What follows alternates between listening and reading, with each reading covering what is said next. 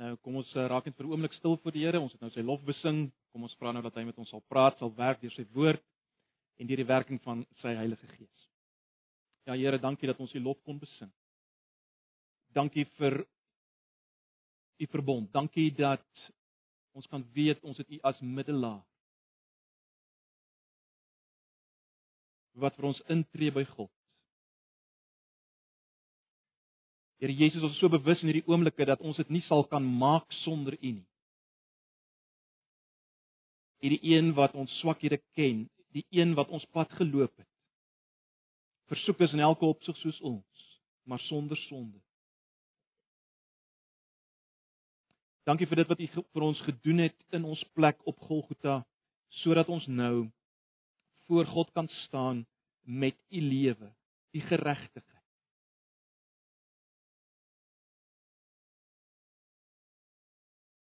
U verbondsgetrou. Ons dankie daarvoor.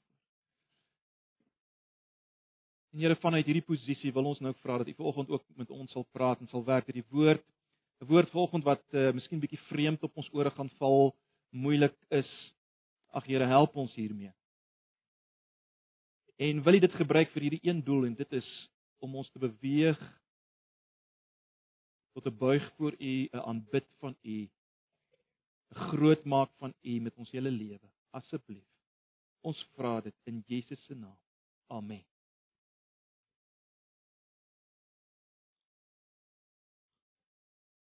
Nou broers en susters, eh, ons het eintlik nou aan die einde gekom van ons reeks eh, uit Jesegiel. Ehm um, Ons gaan vandag die die laaste hoofstukke doen wat in julle handleiding is. En ek wil hê ons moet volgens kyk na Jesegiel 38 en 39. Nou ek het uh, gewonder of ons al die hoofstukke moet lees want dit is dit is, is maar 'n lang gedeelte. En ek weet ons tyd is maar altyd 'n probleem, maar ek het gedink dit is so warm daar buite vandag dat julle waarskynlik sal verkies om hier binne te bly. So ons gaan 'n bietjie langer maak.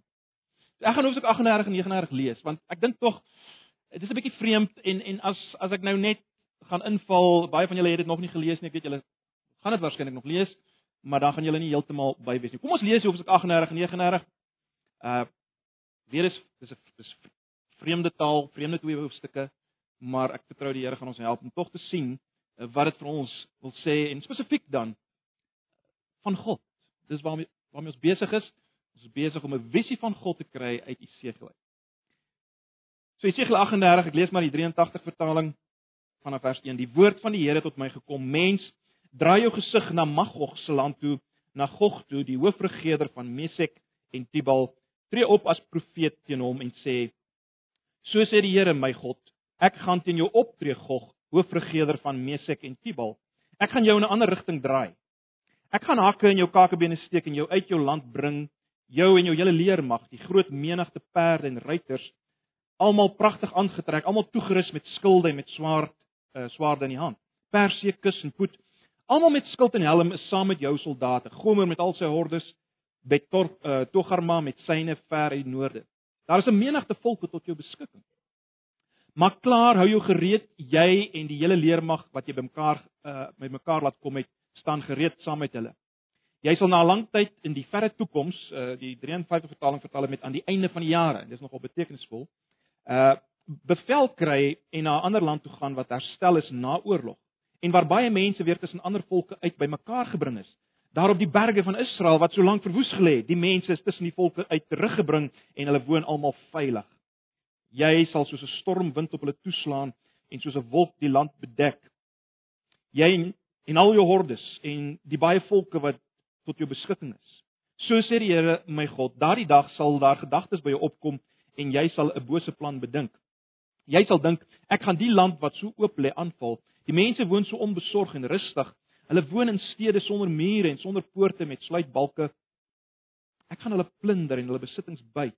Jy sal besluit om hulle uh, besluit om 'n aanval te maak op die pynhope wat weer bewoon word, die mense wat tussen die nasies uit versamel is en weer vee en besittings het en op die middelpunt van die aarde woon. Skeba Detan en die handelaars van Tarsus en sy buitedorp sal vir jou vra, het jy gekom om te plunder? Het jy jou leermag bymekaar gemaak om oorlogsby te kry om silwer en goud weg te dra om vee en besittings te vat, is jy op 'n groot plunderdog tog uit. Tree op as profeet mens, sê vir Gog, so sê die Here my God, jy sal weet wanneer my volk sonder kommer oor hulle veiligheid in die land woon. En dan sal jy uit jou land ver in die noorde kom met baie manskappe wat tot jou beskikking is, almal ruiters te perd, 'n groot mag, 'n magtige leer. Jy sal op my volk Israel toesak soos 'n wolk wat die land bedek. Dit sal in die verre toekoms wees, weer eens in die laaste jare. Dat ek jou my land sal laat aanval en wanneer ek jou Gog laat ervaar dat ek die heilige God is, sal die nasies my erken. Of wanneer ek jou God eh, Gog laat ervaar dat ek die heilige God is, sal die nasies my erken. Vers 17 So sê die Here my God, dit is jy oor wie ek lank gelede gepraat het deur my dienaar die profete van Israel. Hulle het daardie tyd aangekondig dat ek jou my volk sal laat aanval. Maar sê die Here my God, die dag wanneer God die land Israel aanval, sal my toorn teen hom losbreek. Ek sê dit met drif en gloeiende gramskap. Daardie dag sal daar 'n groot aardbewing kom in die land Israel. Die visse in die see, die voëls in die lug, die diere in die veld, al die diertjies wat op die grond rondkruip en al die mense in die land sal voor my bewe. Die berge sal omgekeer word, die kraanse sal mekaar stort, die mure in die land sal omval. Ek sal op al my berge oorlog teen Gog uitroep, sê die Here my God. Gog se manskappe sal mekaar met die swaard aanval. Ek sal hom tref met pes en dood. Ek sal wolkbreuke haal en brandende swaal op hom laat reën en op sy hordes en op die baie manskappe wat tot sy beskikking is. Ek sal my voor die oë van al die nasies laat ken as die groot en heilige God en hulle sal besef dat ek die Here is. Hoofstuk 39 vers 1 Mens tree op as profeet teen Gog en sê so sê die Here my God ek gaan teen jou optree Gog hoofregeder van Mesek en Tubal Ek sal jou in 'n ander rigting laat draai en jou aan die hand lei en jou uit die verre noorde laat opkom en jou die berge van Israel laat inval. Maar ek sal jou boog uit jou linkerhand slaan en jou pile uit jou regterhand laat val. Jy en al jou hordes en die ander volke wat tot jou beskikking is sal op die berge van Israel sneuwel. Ek sal vir jou al die roofvoëls en die roofdiere gee om op te vreet. Jy sal in die oop veld sneuwel want ek het gepraat, sê die Here my God. Ek sal vuur instuur in Magog se land en onder die sorgelose kusland bewoners en hulle sal besef dat ek die Here is. Ek sal my heilige naam laat ken onder my volk Israel. Hulle sal hulle sal my heilige naam nooit weer oneer aandoen nie en die ander nasies sal besef dat ek die Here is, die heilige van Israel.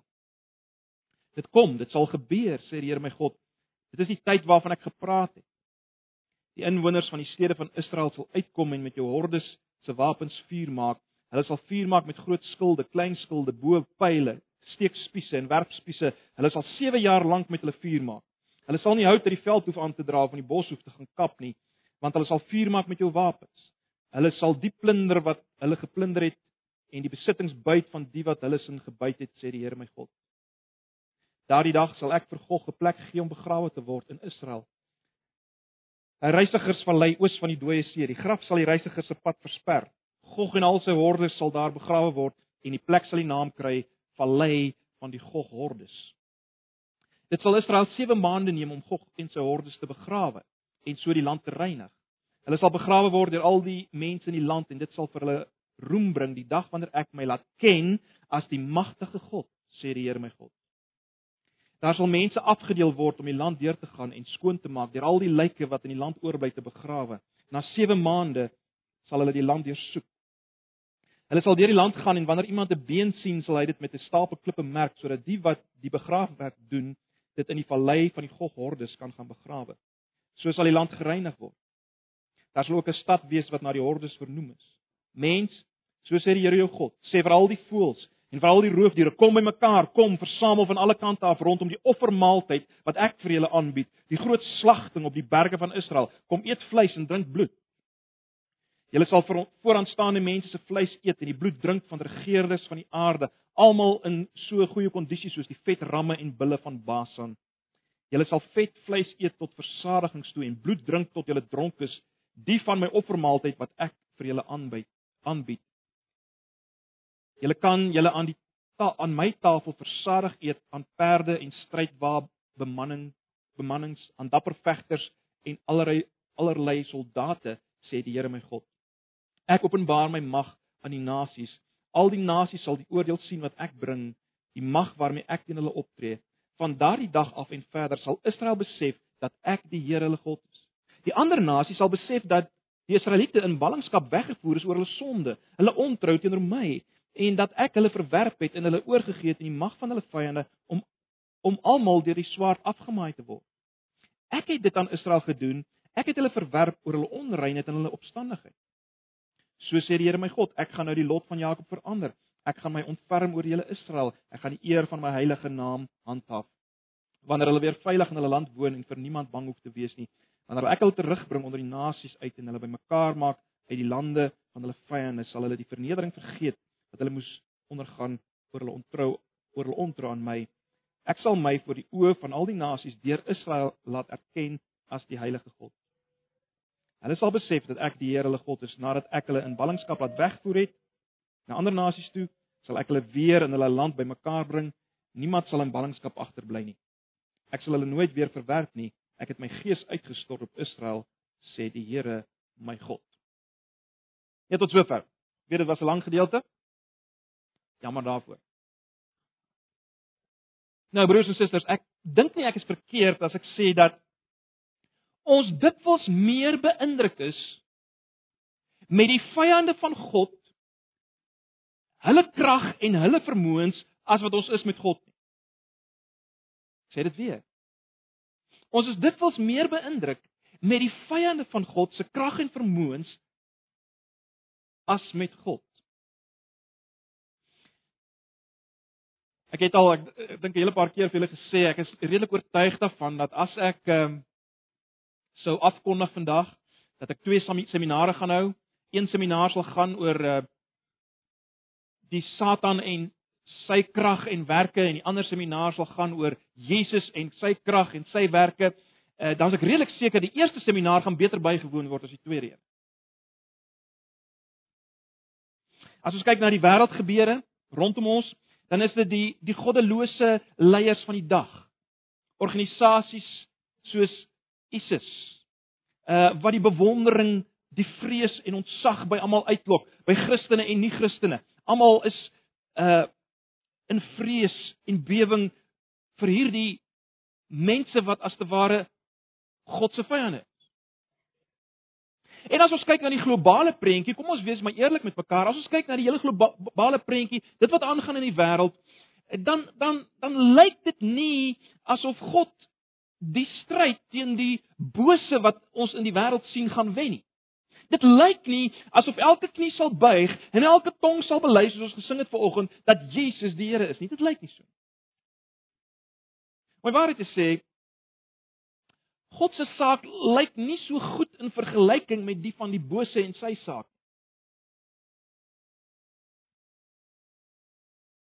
En broers en susters, is dit nie een van die redes waarom ons so sukkel om God werklik te aanbid nie? Werklik groot te maak en op te lig nie. Is dit nie een van die redes waarom ons sukkel om om uit te bars in lofliedere aan God? Is dit nie een van die redes waarom ons sukkel om werklik oorgegee en toegewy ons hele lewe te gee aan die Here nie. En om te stry teen sonde in ons lewens en teen die Satan en te veg vir vreugde in die Here nie. Is is dit een van die redes? In 'n ander woorde is die rede vir ons slapheid en ons min aanbidding en emosie vir God is die rede daarvoor nie dat ons nie meer 'n heilige bewondering, 'n ontzag, 'n gesonde kom ek noem dit vrees vir God het. Dis nie een van die redes. Wel, kom ons kyk na Jesegiel 38 en 39. Nou ek weet, uh, dis nie twee hoofstukke wat bo aan die lys is van van gedeeltes wat in dagstukkies gelees word. Waarskynlik is heel moontlik dat baie van ons wat vanoggend hier sit nog nooit stilte tyd gehou het gehou het uit Esegiel 38 39, né? Nee. Maar ek dink tog broers en susters, as ons as ons uh, Bybels teologies na hierdie gedeeltes kyk, dan dan help dit ons tog om om iets in ons denke oor God reg te stel wat ons sal help en ons sal beweeg om God meer te eer soos ons hom moet eer. Ek vertrou hierdie gedeelte sal dit doen. Nou, kom ons kyk net 'n bietjie na die die struktuur van van hierdie twee hoofstukke. Ek dink as ons wil sin maak hieruit moet ons net so bietjie kyk na die struktuur hiervan. Nou julle sal gesien dit na die eerste twee verse waarin waarin die Here sy opdrag aan Esegiel gee. Uh rig Esegiel ses profeseë aan Gog van Magog. En telkens word dit ingelei met die formule so sê die Here. Ons kry dit in hoofstuk 38 vers 3, ons kry dit in hoofstuk 38 vers 10, vers 14, vers 17 en weer in hoofstuk 39 vers 1 en ook in vers 17. So sê die Here my God. So die grootste deel van die van die stof voor ons word hier deel word word uh, in beslag geneem deur hierdie profesie. Uh 38 vers 3 tot 39 vers 24. Nou, miskien moet ek dit noem, uh Magog is eintlik 'n landgedeelte en Gog is die heerser daarvan. Ek dink die nuwe vertaling het so 'n bietjie verward geraak want die vertaling dit lyk amper asof hulle uh, Mag en uh, Magog en Gog as sinoniem gebruik, maar Gog is die is die regerder en Magog is die is die landgebied en en Mesek en Tibal is deel daarvan. En natuurlik word baie duidelik uit hierdie gedeelte dat baie ander gedeeltes Gomer en Bet Togarma en Persie en Kus en Put en al hierdie ouens is tot beskikking van Magog. Maar goed, so die grootste gedeelte gaan oor ses profeseë teenoor hierdie Gog van Magog. En dan kom daar 'n sewende profesie aan die beurt. Weer met dieselfde formule. So sê die Here my God. En dan word dit gerig aan die aan Israel. En ewe skielik is dit nou weer meer in die hede. Die die profesie oor Gog en Magog is in die sogenaamde verre toekoms aan die einde van die jare en dan word daar weer terugbeweeg meer na die hede toe en en en God kom en hy hy, hy sê vir hulle wees verseker julle gaan terugkeer. Ek het my gees oor julle uitgegiet. Onthou ons het gepraat oor oor oor die gees in Hoofstuk 36 en 37. Julle sal terugkom na die land. So dis wat ons hier kry. Julle sou gesien die hele beskrywing van God se oorlog teen hierdie Gog van Magog is vreemd. uh, Vreemde taal word gebruik en ek dink dis die sleutel vir ons tot die verstaan van hierdie gedeelte, maar ek sal nou nou daarby kom. Al wat ek nou wil doen is ek wil net net hê ons moet 'n bietjie in voelvlug kyk na wat ons hier gelees het. Net om dit vir ons bietjie meer verteerbaar te maak en dan gaan ons kyk, hoe moet ons dan nou uh, hieroor dink? Wat moet ons hieruit neem? So kom ons kyk net eers wat kry ons hier op die oppervlak? Wat word hier gesê? Nou in Hoofstuk 38 vers 3 tot 9 sien ons hoe Gog se leermagte optrek. Maar het julle dit gesien? Dis fascinerend, is dit nie? Dis baie duidelik dat die Here die Here het hierdie geveg van die begin af beplan het. Hulle het dit raak gesien. Kyk na vers 4. Ek gaan hakke in jou kakebene steek en jou uit jou land uitbring. Ek gaan jou laat beweeg na 'n sekere plek toe wat ek wil hê jy moet wees. En dan sê die Here, 'n menigte volkere is tot jou beskikking. Mesek, Tibal, Persie, Kus, Put, Gomer en Bet Togarma en nog klomp ander. Uh, hy sê in vers 6, daar's 'n menigte volke tot jou beskikking. En baie belangrik verder in hierdie verse sien ons dat in vers 8 sal julle dit sien, in 38 vers 8, hierdie dinge gaan gebeur in die verre toekoms. Of soos die 53 vertaling dit vertaal, in die laaste jare en dis baie belangrik. Dis 'n baie belangrike sleutel vir ons. So dit gaan gebeur nadat Israel nou teruggekeer het in die land. Die Gees uitgestort is. Al daai wonderlike dinge waarvan ons gelees het. Dan sal Gog se horde soos 'n stormwind toeslaan op God se volk. So dis vers 3 tot 9. Dan in Hoofstuk 38 vers 10 tot 13 sien ons van Gog se word iets gesê van Gog se bose planne. In vers 10 lees ons daardie dag sal daar gedagtes by jou opkom en jy sal 'n bose plan bedink. Maar let op ons wat ons weer moet raak sien broers en susters is dat hierdie hierdie bose denke God is baie bewus daarvan.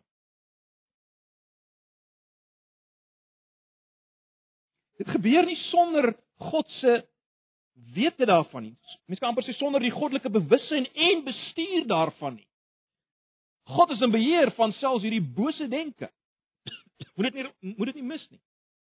Wat ook opmerklik is in hierdie verse is dat dit juis die die onbesorgdheid en rustigheid van God se volk is wat hierdie hordes van Gog uitnooi om te plunder en te buit. En en en hierdie verse wys vir ons die inherente boosheid, nê, nee, van hierdie invalle. Hulle wil nie soseer iets kry nie, hulle wil benadeel. Met mens mens kan amper sê Gog is ook in 'n sin hierdie simbool van dit wat vreugde vind in die vernietiging van ander. Gog vind vreugde in die vernietiging van ander. Maar goed, dis vers 10 tot 13. In vers 14 tot 16 sien ons dan hoe sak Gog toe op Israel. Gog sien dat Israel is baie veilig en dit beweeg hom om sy mag te misbruik, maar hy misreken hom met God. Die God van hemel en aarde, die God van Israel. Hy misreken hom want die Here was die hele tyd bewus van sy gedagtes en let op vers 16 Gog sal ervaar dat ek die heilige God is. 38 vers 16 Gog sal dit ervaar. In ander woorde Hulle moet moet raak sien hoe God as te ware hierdie Gog se gedagtes oorspeel en en en hoe dat hy dit gebruik en dit inskakel by sy plan. God skakel Gog in sy bose planne in by sy plan, by wat hy gaan doen, waarmee hy besig is, naamlik om mense te laat sien dat hy die heilige God is. En dit bring ons by vers 17 tot 23 van Hoofstuk 38. Waar hierdie groot oorlog beskryf word, waar God sy toorn uitgiet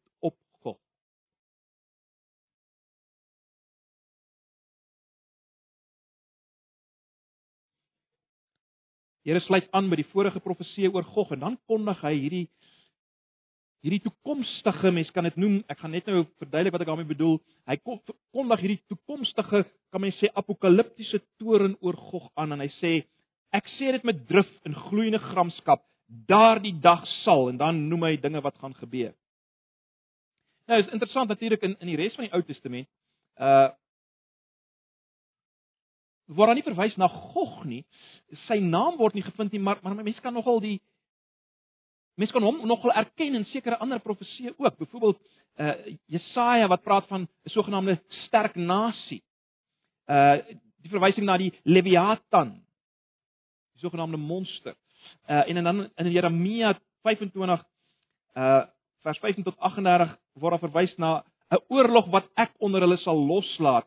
En en dis maar dieselfde selfe ding waarvan gepraat word.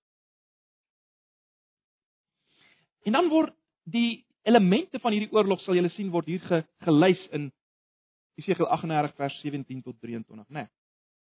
Julle sal sien byna alles is natuurkragte en en mens kry hierdie goed ook in in ander profeseë. Daar's 'n groot aardbewing, het julle gesien? Eh, die visse en die voëls sal bewe, Die berge word omgekeer, die kraanse sal mekaar stort, daar's pes, daar's dood, daar's wolkbreuke, haal en brandende swaal wat hulle vernietig. Slegs die swaard wat hier genoem word, is eintlik 'n 'n menslike agent. Die res van hierdie oorlog, baie duidelik, word deur die Here self gevoer, is dit nie? Baie duidelik, die Here voer hierdie geveg. En hy gebruik al die elemente tot sy beskikking. En wat is die doel daarvan? Kyk na vers 23. Ek sal my voor die oë van al die nasies laat ken as die groot en heilige God en hulle sal besef dat ek die Here is. Dis in die bewussyn en erkenning van sy godheid, dis die doel van dit alles. Dis die doel van God se oordeel altyd broers en susters. En dit moet ons raak sien. Ons gaan nou nou meer daaroor praat. En dan kom ons by hoofstuk 39. In vers 1 tot 16 sien ons hoe God die mag van die Gog-hordes breek, né? Maar fascinerend, jy moet sien God lei hierdie ouens volgens hierdie profesie. Hy lei hierdie magte om sy volk aan te val. Hy doen dit. Hy, maar hy gebruik uiteindelik hierdie inval as die vernietigende veldslag waarin hy hierdie vyande oorwin. In vers 4 sê hy: "Jy en al jou hordes." Dis nog Gog en al sy hordes. Jy en al jou hordes en die ander volke wat tot jou beskikking is, sal op die berge van Israel sneuwel. Ek sal jou vir al die roofvoëls en die roofdiere gee om op te vreet. Vers 4. So die Here gebruik hierdie inval. Hy gebruik dit om uiteindelik sy vernietigende veldslag te voer. Ons moet dit sien. So in 'n ander woorde, wat ons moet sien broers en susters is dis dis eintlik die Here wat die vyande begelei, né? Hy begelei hulle tot hierdie geveg, maar met die doel om hulle te ontwapen, dis baie duidelik. Hy ontwapen hulle. En dan hoor maar hierdie woord ontwapen en julle gaan dit net nou weer hoor. Uh en hy hy vernietig hulle. En dit dit beklemtoon die weer eens die die doel van dit alles word weer beklemtoon hier, nê, nee, die doel van hierdie gruisame oordeel. Kyk weer na vers 13. Die dag wanneer ek my laat ken as die magtige God, sê die Here my God. Die nasie sal hom erken, sy naam sal in ere herstel word as dit gebeur, hierdie gruisame veldslag. Wat God georkestreer het? Nee. Baie belangrik ook vir sy volk sal die besef van wie hy is onderstreep word. Vir 7 jaar lank sal hulle vuur maak met die brandhout uh van die wapens net so lank as dit sal duur om die lyke op te ruim en dan Gog se begrafplaas het hulle gesien sal genoem word die vallei van die Gog-hordes. Dit bring ons by vers 17 tot 24 van hoofstuk 39.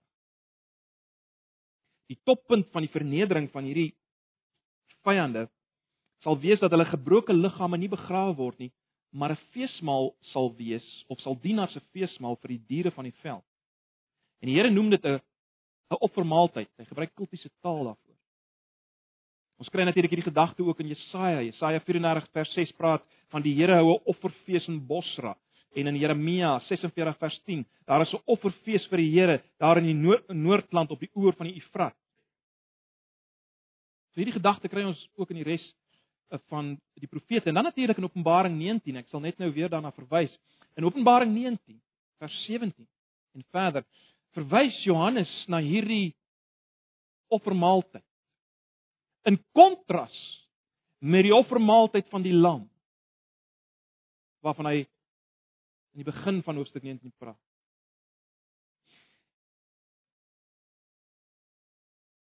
Broers en susters, die oordeel van God is 'n gruisame ervaring. Uh, maar is natuurlik bedoel om om om af te skrik om te waarsku sodat mense tot bekering kom, veral in Openbaring sien mense dit, maar dis ook bedoel sodat mense kan sien wie is God.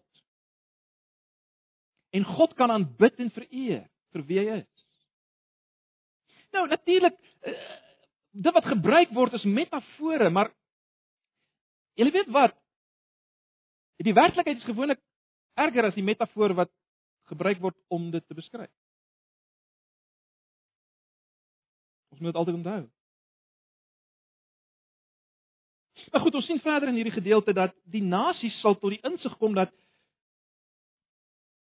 dat die oordeel wat God oor Israel uitgegiet het in die ballingskap, wel hulle hulle sal agterkom, dis deel van God se geregtigheid. Hulle gaan agterkom God was daar aan die werk met Israel. God het 'n doel gehad en en en hulle gaan God daarvoor verheerlik. En Israel self gaan God al meer verheerlik vir dit wat hy gedoen het in hulle lewens as hulle sy oordeel sien. Dis die gedagte wat ook hier uitgelig.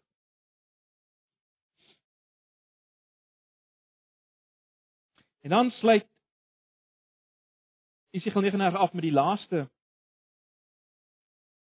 profesie wat alles weer terugspring as te ware in die hede, die nabye toekoms, nê. Nee, dit wat nou gaan gebeur. Israel wat gaan terugkeer. God beloof dat hy hulle lot gaan verander. Hy gaan hulle herstel en dan in die volgende 9 hoofstukke gaan hy natuurlik dit weer op eh, op 'n manier uitlig met met allerlei ander beelde en so meer. Maar maar die punt is hy hy al wat hy hier as te ware vir hulle gee nadat hy nou gepraat het van dit wat in die verre toekoms gaan gebeur, vertroos hy hulle weer nou en hy sê, "Wel, Ek sal julle nooit verwerp nie. Ek gaan my gees uitstort op julle, ek gaan julle terugbring in die land. En dis hoe dit eindig. Uh dis hoe die gedeelte eindig in hoofstuk 39.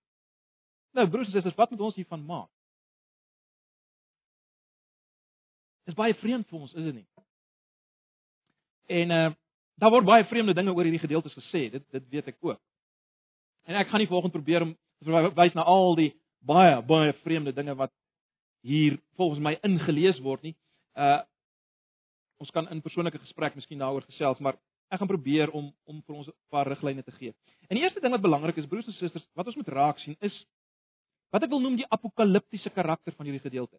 Julle het dit raak gesien in hierdie in hierdie oorlog teen God se vyande. Snaakse taal wat gebruik word, né? Nou, wat wat bedoel ek met apokaliptiek? Nou, apokaliptiek is 'n soort van 'n 'n genre wat ontstaan het so paar honderd jaar voor Christus en weer 100 jaar na Christus waarin die Jode baie bewus was van hulle self as 'n klein onderdrukte groep en en en hulle het begin skryf oor oor die toekoms en dit wat gaan gebeur met beelde wat bestaan uit uit natuurverskynsels en monsters en letterstelsels en so meer alles om hulle hoop te gee vir die toekoms. Dit het hulle hoop gegee. Dit het troos gebied. en baie belangrik ook wat ons moet onthou in hierdie materiaal staan bekende dinge vir iets anders. Bekende goed staan vir iets anders. Dit kry 'n betekenis. Nou, in die Bybel kry ons ook materiaal wat tot hierdie kom ons sê hierdie korpus van materiaal behoort. Wat dieselfde kenmerke het. Maar natuurlik is dit geïnspireer. Dis anders. Daar's daar's klein verskille ook, maar dis dieselfde tipe materiaal. Dit ge, ge, gebruik ook hierdie beelde en so meer. Ons weet almal van Daniël en ons ons weet van Openbaring, maar hier in die Segel kry ons ook iets daarvan. Ons kry ook iets daarvan. Ek meen ons het dit raak gesien. Daar's daar's groot aardbewings, daar's visse en voëls wat bewe, daar's berge wat omgekeer word, daar's kraanse wat in mekaar stort, daar's pes, daar's dood, daar's wolkbreker, daar's haal, daar's brandende swaal wat vernietig en so meer. Dis baie tipies van die apokaliptiek. So ons moet dit onthou. En dit gee vir ons 'n sleutel. Dit help ons om te verstaan hoe moet ons dink oor Gog en Magog? Ek het vir julle gesê in die apokaliptiese literatuur staan bekende dinge vir iets. En daarom staan Gog en Magog ook vir iets. Dink net vir 'n oomblik aan Openbaring. In Openbaring staan die lam vir Jesus. Ons kry die stad Babylon in Openbaring wat staan vir die wêreld, die wêreldgees wat eintlik uiteindelik soos 'n prostituut die volk verlei tot sonde, die die die God se mense verlei tot sonde. En hierdie Babylon word dan uiteindelik in die see gewerp. Nou ons sal totaal skeef interpreteer as ons Babylon wil sien as as die fisiese stad Babylon of wat ook al die die die, die plek is wat vandag daar is waar die ou Babylon was. En en as ons sou dink dat God weer fisies hierdie stad in die see gaan werp sal ons nie die materiaal hanteer soos dit moet hanteer word. Net soos ons dit sou verkeerd hanteer as ons dink daar is fisies 'n skaap iewers in die hemel. Nê nee, 'n lam iewers in die hemel. Staan vir dit staan vir uh, in Openbaring staan Sodom vir iets en Egipte staan vir iets. En net so hier in die Segel. Natuurlik uh was hierdie plekke werklike plekke. Mesek en Tubal, uh as jy Genesis 10 gaan lees, is dit die die seuns van Jafet, die nageslag van die seuns van Jafet. Uh en hulle was hulle twee nasies gevorm in Klein-Asië. Werklike nasies, uh waar Kappadosie uh, vandag is. En en en hulle was deel van hierdie land Magog. So Magog was eintlik die naam vir vir die ou Lidie wat vandag uh Wes-Turkye is. Maar die punt is broers en susters, dit sou 'n fout wees om te dink God gaan uiteindelik teen letterlike fisiese plekke 'n stryd voer. Nee nee. Hulle verteenwoordig iets, hulle staan vir iets. Met ander woorde, dit gaan in hierdie stryd wat beskryf word, die stryd teen Gog van Magog, is niks anders as 'n beskrywing van God se oorlog, God se geveg teen die vyande van sy mense. Dis 'n beskrywing van God se geveg teen die vyande van sy mense. So Gog en Magog is daarom 'n simbool van van al die vyande van van God se mense. En inderdaad sal ons nou net sien dis hoe dit in Openbaring ook hanteer word. Uh, om dit anders te stel, Esegiel gebruik die woorde Gog en Magog as metafore. uh in hoofstuk 23 doen hy dieselfde. Hy gebruik die die hy gebruik Ohola en Oholiba as metaforiese name vir die twee ryke van Israel, né? Nee, gebruik dit as metaforiese name. So dis waaroor dit gaan hier. So nou is die vraag, nou maar wanneer gaan dit dan nou vervul word? Wel kom ons dink daaroor. ons het nou al vir mekaar gesê dat een van die kenmerke van Bybelse profeseë is die herhaaldelike vervulling daarvan. Ons het daaroor gepraat, ek gaan nie weer daaroor uitbrei nie. Die herhaaldelike vervulling en ook die feit dat die uiteindelike vervulling baie keer anders lyk as wat jy sou verwag uit die aanvanklike profesie. Dink weer eens ehm uh, aan die profesie van Joël wat in Handelinge vervul is, maar as jy gaan teruggaan na Joël, dan lyk dit nie heeltemal aan dieselfde ding nie. Maar maar dis daar vervul. So ons ons moet dit onthou, die kenmerk van profesie weer eens. Dan baie belangrik, sal julle onthou in hoofstuk 36 en 37 het ons gesien baie van daardie wonderlike beloftes is baie duidelik vervul met die koms van Jesus en sy werk aan die kruis en die uitstorting van die Heilige Gees en die vorming van die kerk. En het ons mekaar gesê, dit word ook weer vervul in herlewingstye. En dit gee vir ons wonderlike hoop. En ons het daaroor gepraat. En nou is dit baie interessant dat met dit alles in gedagte onthou dat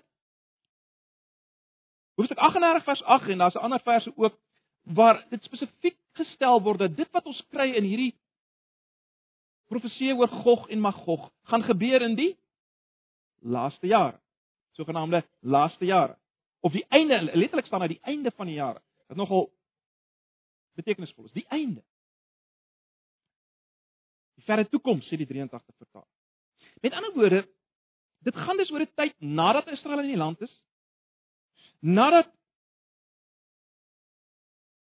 hulle aanvanklike vyande oorwin is en hulle teruggebring is in die land.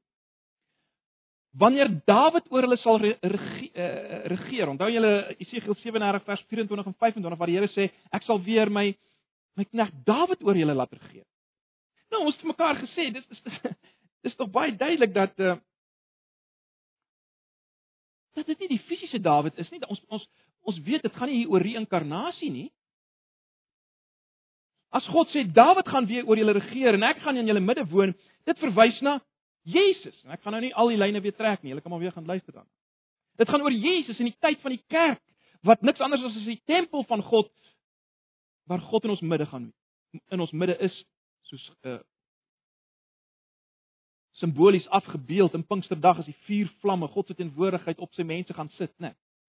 Nadat Jesus volgens Petrus gaan sit het op die troon van Dawid met die opstaan. So dis die tyd. Dis die tyd, dis die, dit is hierdie tyd, die tyd van Jesus, die tyd van die kerk, waar die en baie belangrik, die kerk wat bestaan uit Jood en heiden, dis hierdie tyd en die tyd daarna wat ter sprake is in hierdie profesie oor God se geveg teen die vyande van sy mense. Dis die tydperk wat ter sprake is.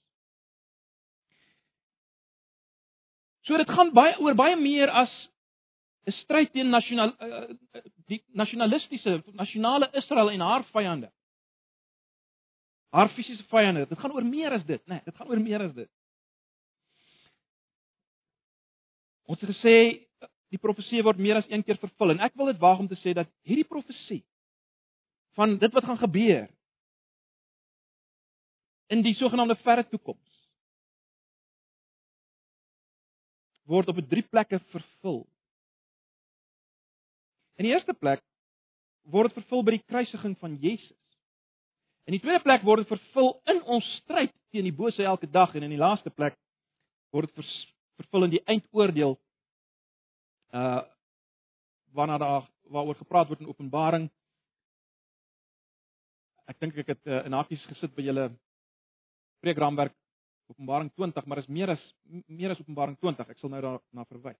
Maar goed, in die eerste plek is hierdie dit wat in simboliese taal beskryf word in Jesaja 38 en 39. In die eerste plek, broers en susters, is dit vervul in die kruisiging van Jesus. Hoekom sê ek so? Want dit is baie interessant in Jesaja 38 vers 19.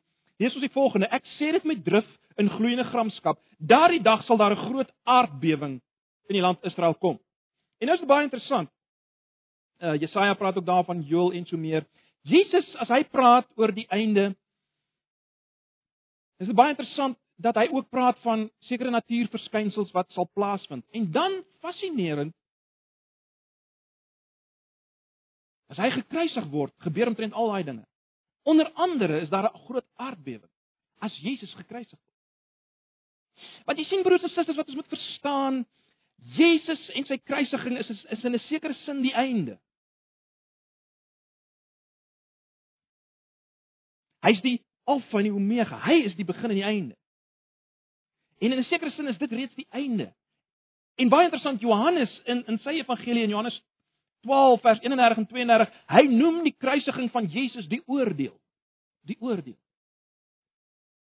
Die einde het alreeds in Jesus plaasgevind en daar het God reeds as te ware in 'n geveg ingegaan en getriomfeer. Teen wie was die geveg? Wel, luister net na Kolossense 2 vers 15, julle ken dit.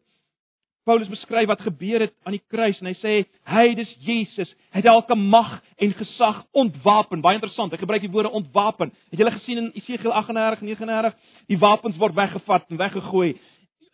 Kolossense sê hy het hy het elke mag ontwapen. En hulle in die openbaar vertoon deur hulle as gevangenes in die triomftog van Christus mee te voer. So die vyand van God se mense wat verslaan is in die eerste plek op Golgotha is die vyand is die is die is die is die Satan en sy bose magte. Die vyande van God se mense. God het in dit wat gebeur het op Golgotha, as Jesus God die seun geoordeel word met God se oordeel, simbolies kan mens sê word dit wat in Jesegiel 38 en 39 beskryf word, dis wat daar gebeur het. Geweldige veldslag. Triomf tog van God vir die Satan en sy magte, God se vyand. So dis die eerste plek waar dit vervul word. Maar natuurlik is daar meer vervulling. Uh daar's nog baie dinge wat daar's nog 'n oorskot as te ware wat op vervulling wag, né? Nee, baie duidelik. Alles van hierdie geveg is nie vervul in die kruisiging van Jesus nie. Daar's daar nog dinge wat oorbly.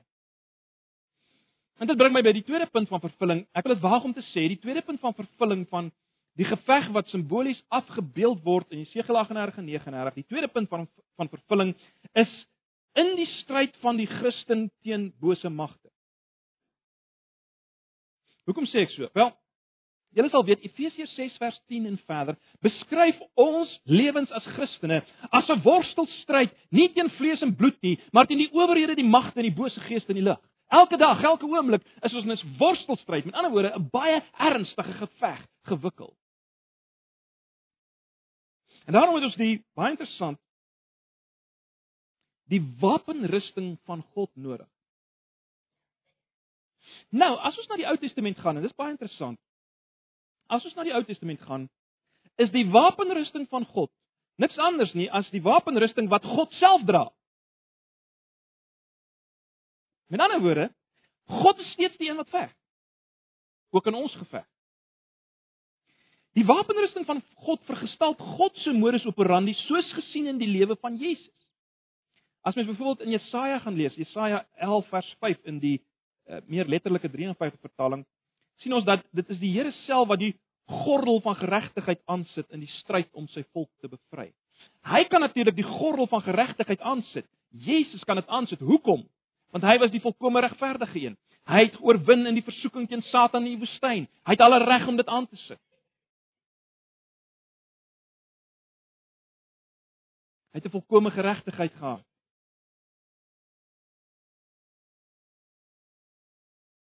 Ons sien in Jesaja 52 dat dis die Here self wat die boodskap van verlossing uitroep. In Jesaja 59 miskien ook.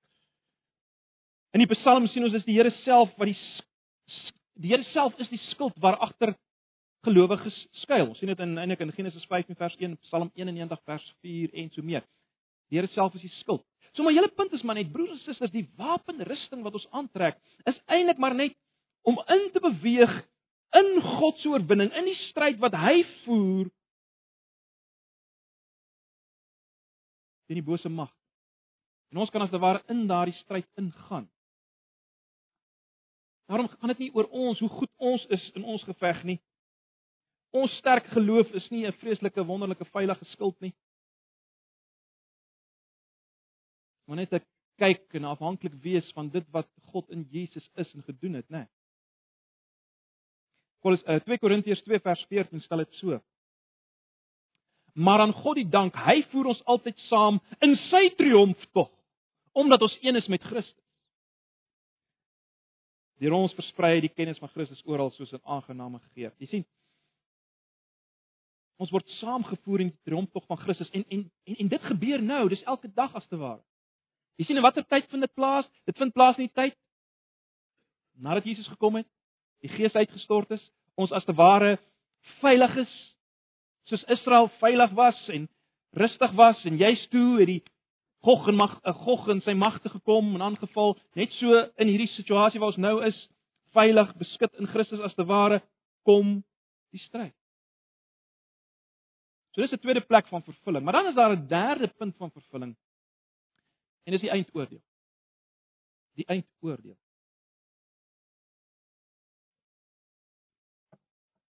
Hulle het gesien in Esegiel 38 vers 20 lees ons dat die berge sal omvergegooi word en die kraanse mekaar stort. Al die mure sal op die aarde val. In vers 21 lees ons ek sal op al my berge oorlog teen Gog uitroep. Gog se manskappe sal mekaar met swaard aanval in vers 22 ek sal hom tref met pes en dood Ek sal wolkbreuke haal en brandende swaal op hom laat reën en op sy hordes en op die manskappe wat tot sy beskikking is. Nou, ek gaan nou nie na al die gedeeltes in Openbaring kyk nie, maar julle weet, dis die tipe dinge wat ons kry in Openbaring. Onthou net baie belangrik, Openbaring beskryf die einde weer en weer. Uh Openbaring moet ons nie kronologies lees nie. Nou, Openbaring is heeltyd dieselfde prentjie wat net bietjie meer ingekleur word. En dan elke keer word die einde weer gewys. En dis die tipe taal wat ons kry in Openbaring. Byvoorbeeld die die hele gedagte van die feesmaaltyd. Kry ons baie sterk in Openbaring 19 net na, ek het daarna verwys, net na die bruilofsmaal van die lam. Kyk nou Openbaring 19 na vanaf vers 17.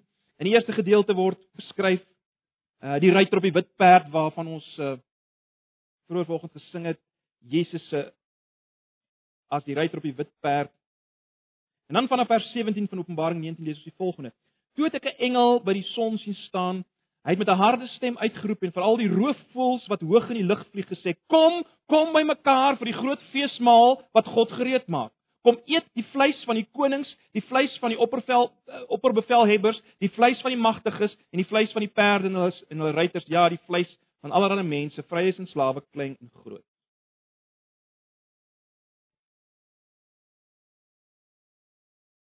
En heel aan die einde vers 21, heel aan die einde van vers 21, al die roofvoëls het hulle dik geëet aan die vleis.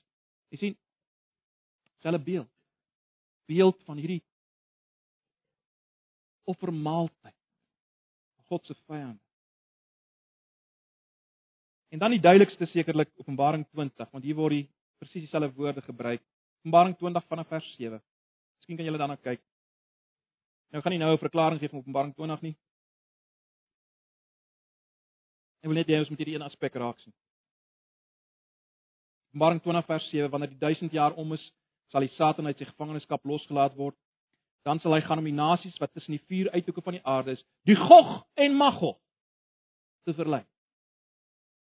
En om hulle byeen te bring vir die oorlog. Hulle so baie soos die sand van die see.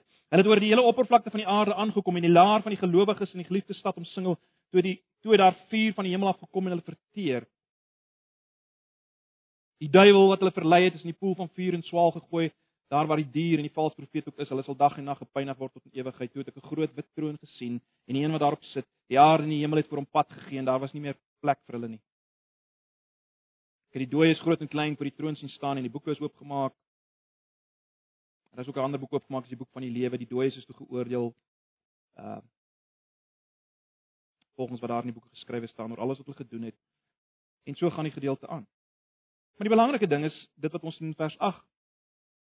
Dan sal hy gaan om die nasies wat tussen die vier uithoeke van die aarde is, die Gog en die Magog te, te verlei en om hulle byeen te bring vir die oorlog. En uiteindelik net so terloops daar in vers 9 sal julle sien die oorlog sekere boeke word hierdie oorlog vreeslik in detail beskryf, né, nee, van uh, al hierdie wapens en tipe goed wat gebruik gaan word. Wel die oorlog in volgens vers 9 is net foef en verby en dan kom net een vir 'n vierde die hemel uit en is alles verby. God maak einde. Al die al die vreeslike tanks en Ek weet nie of julle al van hierdie boek maar in geval los dit. Dis vinnig verby. Dis vinnig verby. En broers en susters, na hierdie geveg, lees ons in Openbaring 21 vers 1, toe het ek 'n nuwe hemel en 'n nuwe aarde gesien. Die eerste hemel en die eerste aarde verdwyn en die see het nie meer bestaan nie. En dan kom daar 'n nuwe Jerusalem van God af. Let wel 'n nuwe Jerusalem. Die stad was gereed soos 'n bruid vir haar man versier. Ons weet hierdie nuwe Jerusalem, hierdie nuwe stad, is nie 'n fisiese stad nie. Dit is nie 'n stad waarin die Jode woon nie. Die nuwe stad Jerusalem is Jode en heidene saam. Dis die nuwe stad. Die stad is die bruid. Wat tot stand kom na hierdie finale slag van God teen Gog en Magog. Maar goed, Wat leer ons van God in hierdie gedeeltes, broers en susters? Wel, net baie vinnig. Dis baie sekondêre dinge as ek dit so kan stel, wat ons weer van God sien. Ag, God se soewereiniteit is so duidelik weer eens hier, né? Nee. God wat in beheer is van die wêreldgebeure. God wat in beheer is uiteindelik van selfs die bose dinge wat teen sy mense beplan word en daarom in beheer is ook van die Satan en sy magte. En dit deur kruis tot sy eie heerlikheid. Dis dis duidelik hier. Ons sien die voorsiening van die Here vir die nabye toekoms en ook in die verre toekoms die Here wat voorsien vir sy mense by sy mense is. Ons sien hoe God intiem betrokke is by sy mense, maar ook intiem betrokke is by die vyande van sy mense. Dis alles wat ons hier sien. En dan leer ons iets van God se geregtigheid. Ons sien dat oordeel is deel van God se geregtigheid. God is juis God omdat hy regverdiglik oordeel.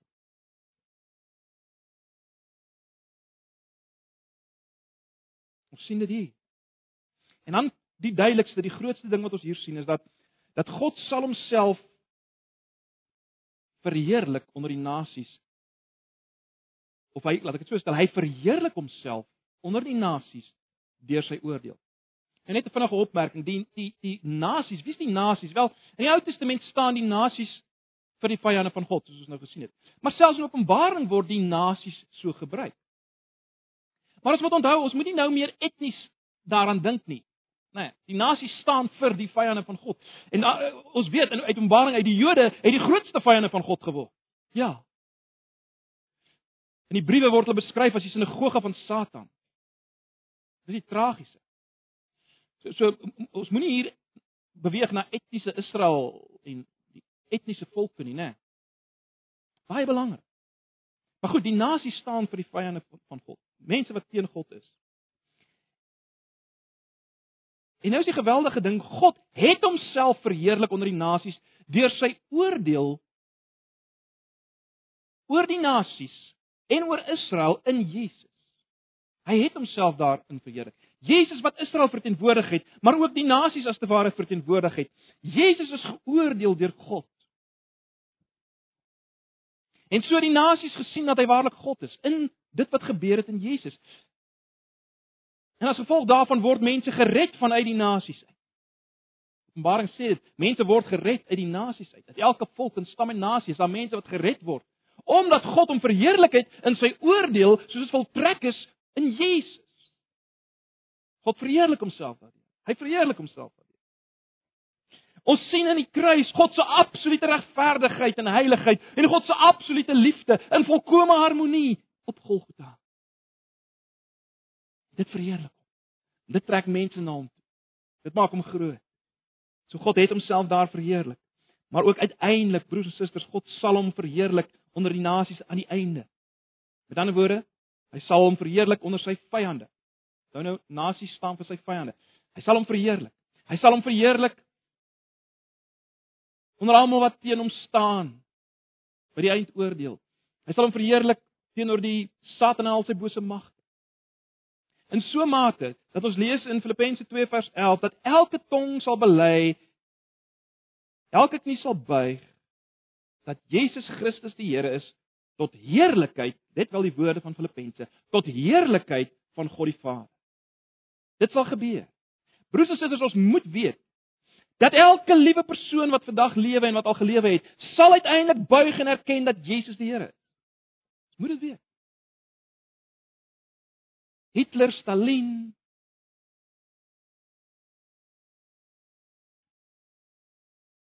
noem maar op, almal sal buig en erken dat Jesus die Here is. God gaan triomfeer en dit gaan sigbaar wees vir die hele kosmos dat God oorwin het.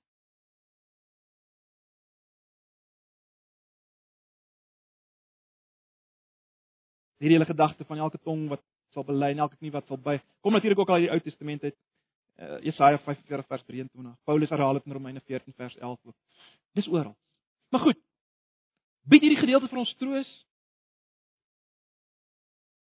Dit moes vir Israel wat nou sou inbeweeg in die land moes dit troos bied die feit dat daar God uiteindelik in die verre toekoms alles al sy teenstanders sal vernietig.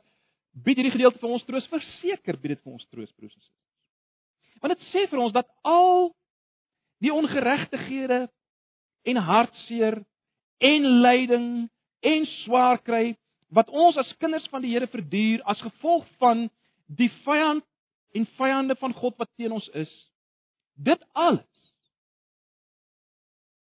gaan gewreek word. Daar kom 'n einde aan.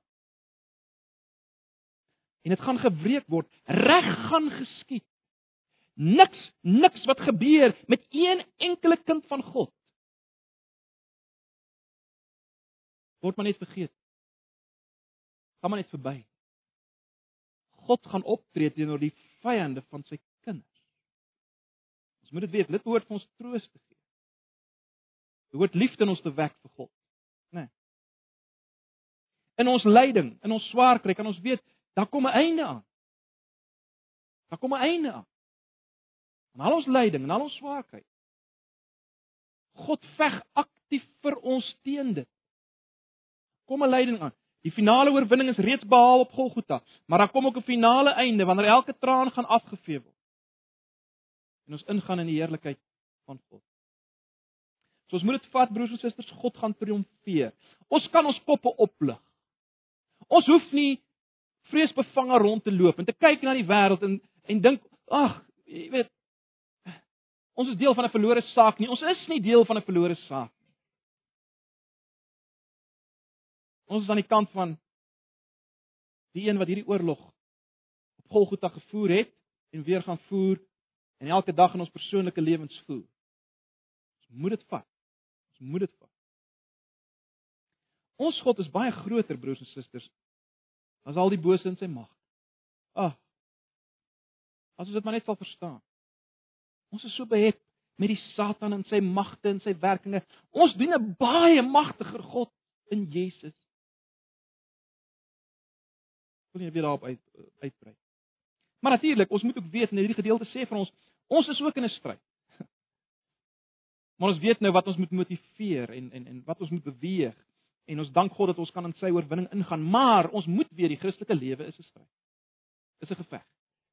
Ons moet wegkom aan 'n wegkom van 'n wishy-washy ligmatras ronddryf Christendom, né? Nee, dis nie deel van Christendom. Dis 'n stryd. En ons God is 'n God wat stryd voer. Ek sluit af. Broers en susters, elkeen van ons moet weet, ons wat volgens hier sit, is ons moet weet dat die mensdom stuur af op twee feeste. Stuur af op twee feeste. Daar's die fees van die bruilof van die lam. Dan lees maar weer die begin van Openbaring 19, ek het dit nou nie gelees nie. Daar's die fees van die bruilof van die lam waar waar gelowiges as te ware die vrug gaan eet van Jesus se lewe en bediening. Ons sal dit geniet. By die bruiloffees van die lam. Dis die een fees. Maar dan is daar 'n ander fees. Daar's die fees van die roofvoëls waarin die goddeloses self die maaltyd sal wees. Waar God se vyande in die maaltyd sal wees. Jy's op pad na een van hierdie twee feeste, hoor. Elkeen van ons wat hier sit, is op pad na een van die twee feeste. En dit kom, dit kom. Dit kom verseker. So seker as wat jy op jou stoel sit, kom dit. Ons weer die enigste manier deel te wees van die bruilof van die lam om deur die geloof en totale afhanklikheid na Jesus te vlug. Die een wat volgens Openbaring 5 die hele geskiedenis in sy hande het, die leeu en die lam, vlug na hom. Gryp hom aan. Kies die bruilofsfees as ek dit so kan sê. Deur te vlug na Jesus. God die seën. En ag, broers en susters, mag ons dan begin leef as mense wat aan die kant van die oorwinnaar is, né? Nee. Kom ons leef as mense wat aan die kant van die oorwinnaar is, mense wat meer beïndruk is met God as met die vyande van God. Ons begin so lewe. Broers en susters, kom ons begin God aanbid. Natuurlik, ons ek het ons het al baie vir mekaar gesê, nê. Nee, 'n Mens kan nie 'n God aanbid wat 'n ou man is met 'n wit baard wat sy gesig wegdraai vir ongeregtigheid en kan nie so God aanbid nie. Kan hierdie God aanbid. Magtige, oorwinnaar God. Jesus, ryter op die wit perd. Wat natuurlik ook as die magtige een absolute sagtheid het. Absolute liefde. Dis gekombineer, ons het baie vir mekaar gesê. Hierdie twee goed is gekombineer. Hy's die leeu en die lam en daarom absoluut absoluut aanbiddingswaardig. Absoluut absoluut die een wat aan wie alle lof toe kom en besing moet word. Hy's dit werd om voor te lewe broers en susters. Dis die moeite werd om vir hom te lewe. Ons is aan die kant van hierdie een, die oorwinnaar. Mag die Here ons daartoe beweeg. Kom ons raak stil vir 'n paar oomblikke. Kom ons dank hom net vir wie hy is. Net waar hy is. Dank hom vir wie hy is. Dank hom vir die feit dat hy sy heerlikheid sal wys en reeds gewys het en sal wys onder die nasies en dat jy kan deel wees van hierdie triomftog. Dank hom daarvoor. Kom ek gee 'n paar oomblikke van gebed.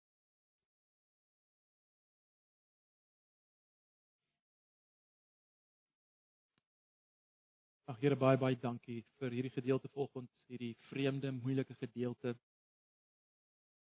Wat vir ons maar net weer eens 'n aspek uitlig van U ons Vader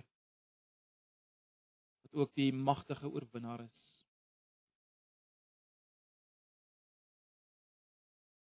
van die bose van ons vyande.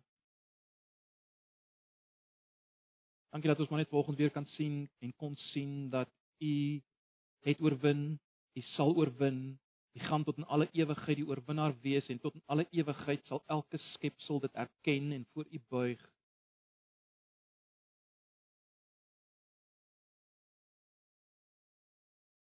En Here, wat 'n wonder dat U ons geroep het en gered het om deel te wees daarvan. Aan U kant te wees. Ons eer U daar. Ons aanbid U daar. Mag die genade van ons Here Jesus en die liefde van God en die gemeenskap van sy Heilige Gees met julle wees en bly in hierdie dag as julle leef in die lig van wat ons ook vanoggend gesien het. Amen.